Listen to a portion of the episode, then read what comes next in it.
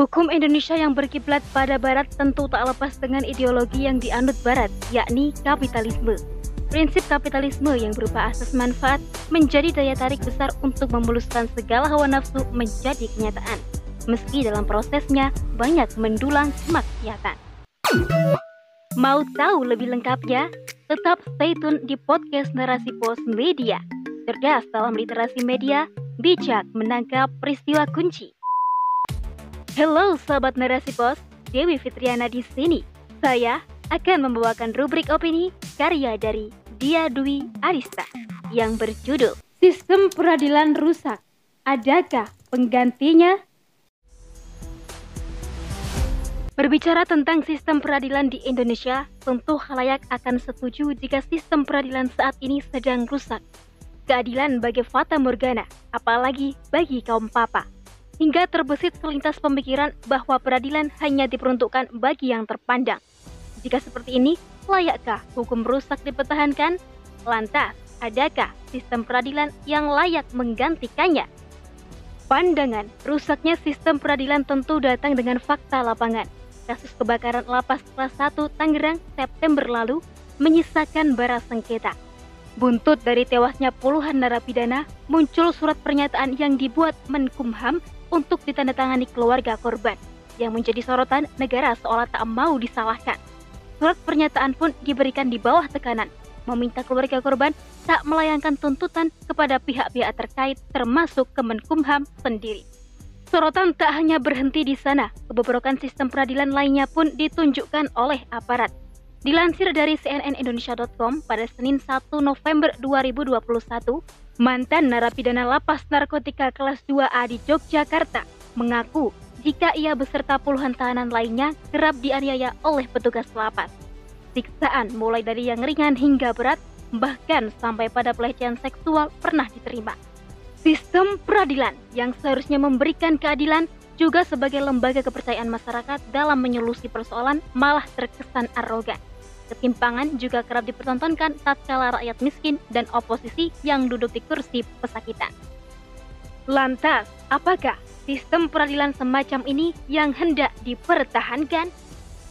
Bukan rahasia lagi bahwa sistem peradilan di negeri ini dalam kondisi rusak Hal ini juga disampaikan oleh mantan Ketua Mahkamah Agung periode 2001-2028, Profesor Dr. Bagir Manan, SHMCL, saat peluncuran buku yang berlokasi di Universitas Muhammadiyah Yogyakarta.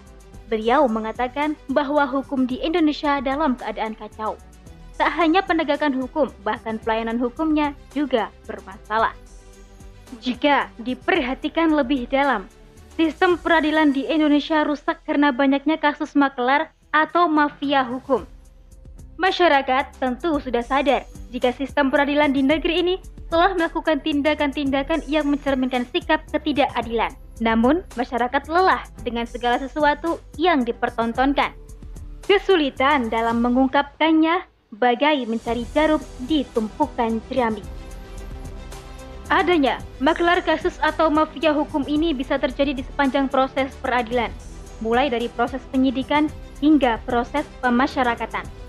Tujuan dari adanya membuat kasus adalah untuk memenangkan perkara yang diinginkan, menjebloskan pesaingnya ke dalam penjara, atau menguji coba para pesaingnya dengan penegak hukum. Menggelar kasus itu sendiri identik dengan penggunaan uang dan kekuasaan dalam memuluskan aksinya. Tentu yang dapat keistimewaan adalah orang berpendapatan fantastis saja. Lantas, kesan hukum tajam ke bawah namun tumpul ke atas, akhirnya masyarakat pun hilang kepercayaan terhadap lembaga penegak hukum, mulai dari polisi hingga peradilan. Kesucian lembaga peradilan pun mulai luntur di mata masyarakat. Ya, karena jamak polisi yang tertangkap tangan menerima bayaran secara ilegal, Contoh paling akurat adalah kasus Joko Chandra yang tak hanya sekedar polisi, bahkan setara dengan jaksa penuntut dengan kucuran dolar. Tak cukup di sana, pembulusan kasus juga menjerat jaksa Pinangki Sirna Malasari. Ia menerima suap tindak pidana pencucian uang dan pemufakatan jahat dalam kasus Joko Chandra. Pengadilan pun memutuskan 10 tahun penjara dan denda sebesar 600 juta rupiah. Namun, Putusan tersebut dengan mudah diturunkan dalam anjuran banding Pinangki ke Pengadilan Tinggi DKI Jakarta. Merosotnya masa tahanan menjadi 4 tahun dan denda 600 juta rupiah pun masih menyisakan tanda tanya. Kasus tersebut berbelok tajam jika tersangka adalah rakyat kecil maupun rakyat yang kritis terhadap kebijakan negara. Sebut saja Mbah Mina dengan kasus semangkanya, atau Samirin yang mengambil sisa getah pohon karet juga para pendakwah yang mengkritik kebijakan seperti Gus Nur dan Habib Rizik Sihab. Inilah wajah lain dari sistem hukum di negeri ini. Sistem hukum yang mengadopsi dari barat dengan kapitalismenya. Hukum Indonesia yang berkiblat pada barat tentu tak lepas dari ideologi yang dianut barat, yakni kapitalisme. Prinsip kapitalisme yang berpemanfaat menjadi daya tarik besar untuk memuluskan segala hawa nafsu menjadi kenyataan meski dalam prosesnya banyak mendulang kemaksiatan. Aturan harta yang tidak diatur memungkinkan manusia untuk mencari harta dengan berbagai jalan. Tak peduli menabrak aturan, asal dolar sudah di tangan semua bisa lancar. Bahkan korupsi bisa menjadi jalan lain untuk mencari rezeki asal tidak ketahuan. Sedemikian bobroknya sistem kapitalis ini. Namun, masih dipercaya sebagai penyelamat dunia. Islam datang tak hanya mengenalkan manusia kepada Tuhannya, namun Islam juga mengenalkan manusia pada aturan-aturan Tuhannya yang berupa syariat Islam. Sejak diutusnya Nabi Muhammad SAW, syariat Islam sudah pakem menjadi hukum yang mengikat seluruh kaum muslim. Allah Subhanahu wa taala berfirman dalam surat Al-Maidah ayat 50 yang berbunyi, Apakah hukum jahiliyah yang mereka kehendaki Hukum siapakah yang lebih baik daripada hukum Allah bagi orang-orang yang meyakini agamanya? Bahkan dalam ayat lain, Allah mengecam orang-orang yang tidak menggunakan syariat Islam sebagai hukum dengan sebutan zolim. Siapa saja yang tidak berhukum dengan apa yang telah Allah turunkan atau Al-Quran, maka merekalah para pelaku kezoliman. Keadilan yang bagai barang mewah di negeri ini statusnya akan berubah dalam aturan Islam karena adil menjadi salah satu sifat yang harus ada dalam diri individu bahkan negara. Maka bisa dikatakan Islam dan keadilan adalah satu.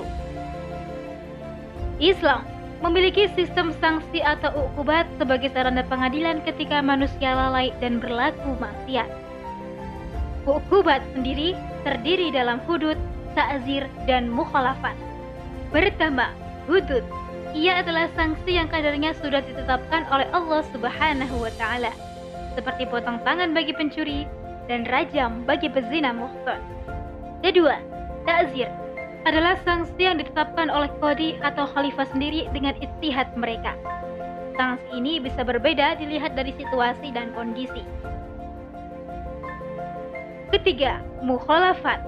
Sanksi yang diberikan kepada orang yang merupakan keputusan atau perintah khalifah sedang khalifah memerintahkan kepada kemakrufan. Dengan ketaatan pada sistem hukum Islam, manusia mendapat manfaat yakni sebagai zawajir atau pencegahan. Sebab Islam akan menghukum pelaku kemaksiatan dengan setimpal tanpa melihat status. Kaya atau nasab bukan menjadi alasan tawar-menawar hukum yang berlaku.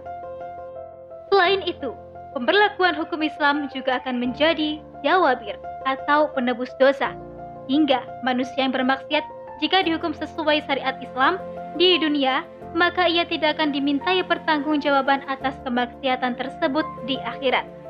Tentu, semua sistem hukum akan menjadi kosong jika pemangku hukum tidak amanah.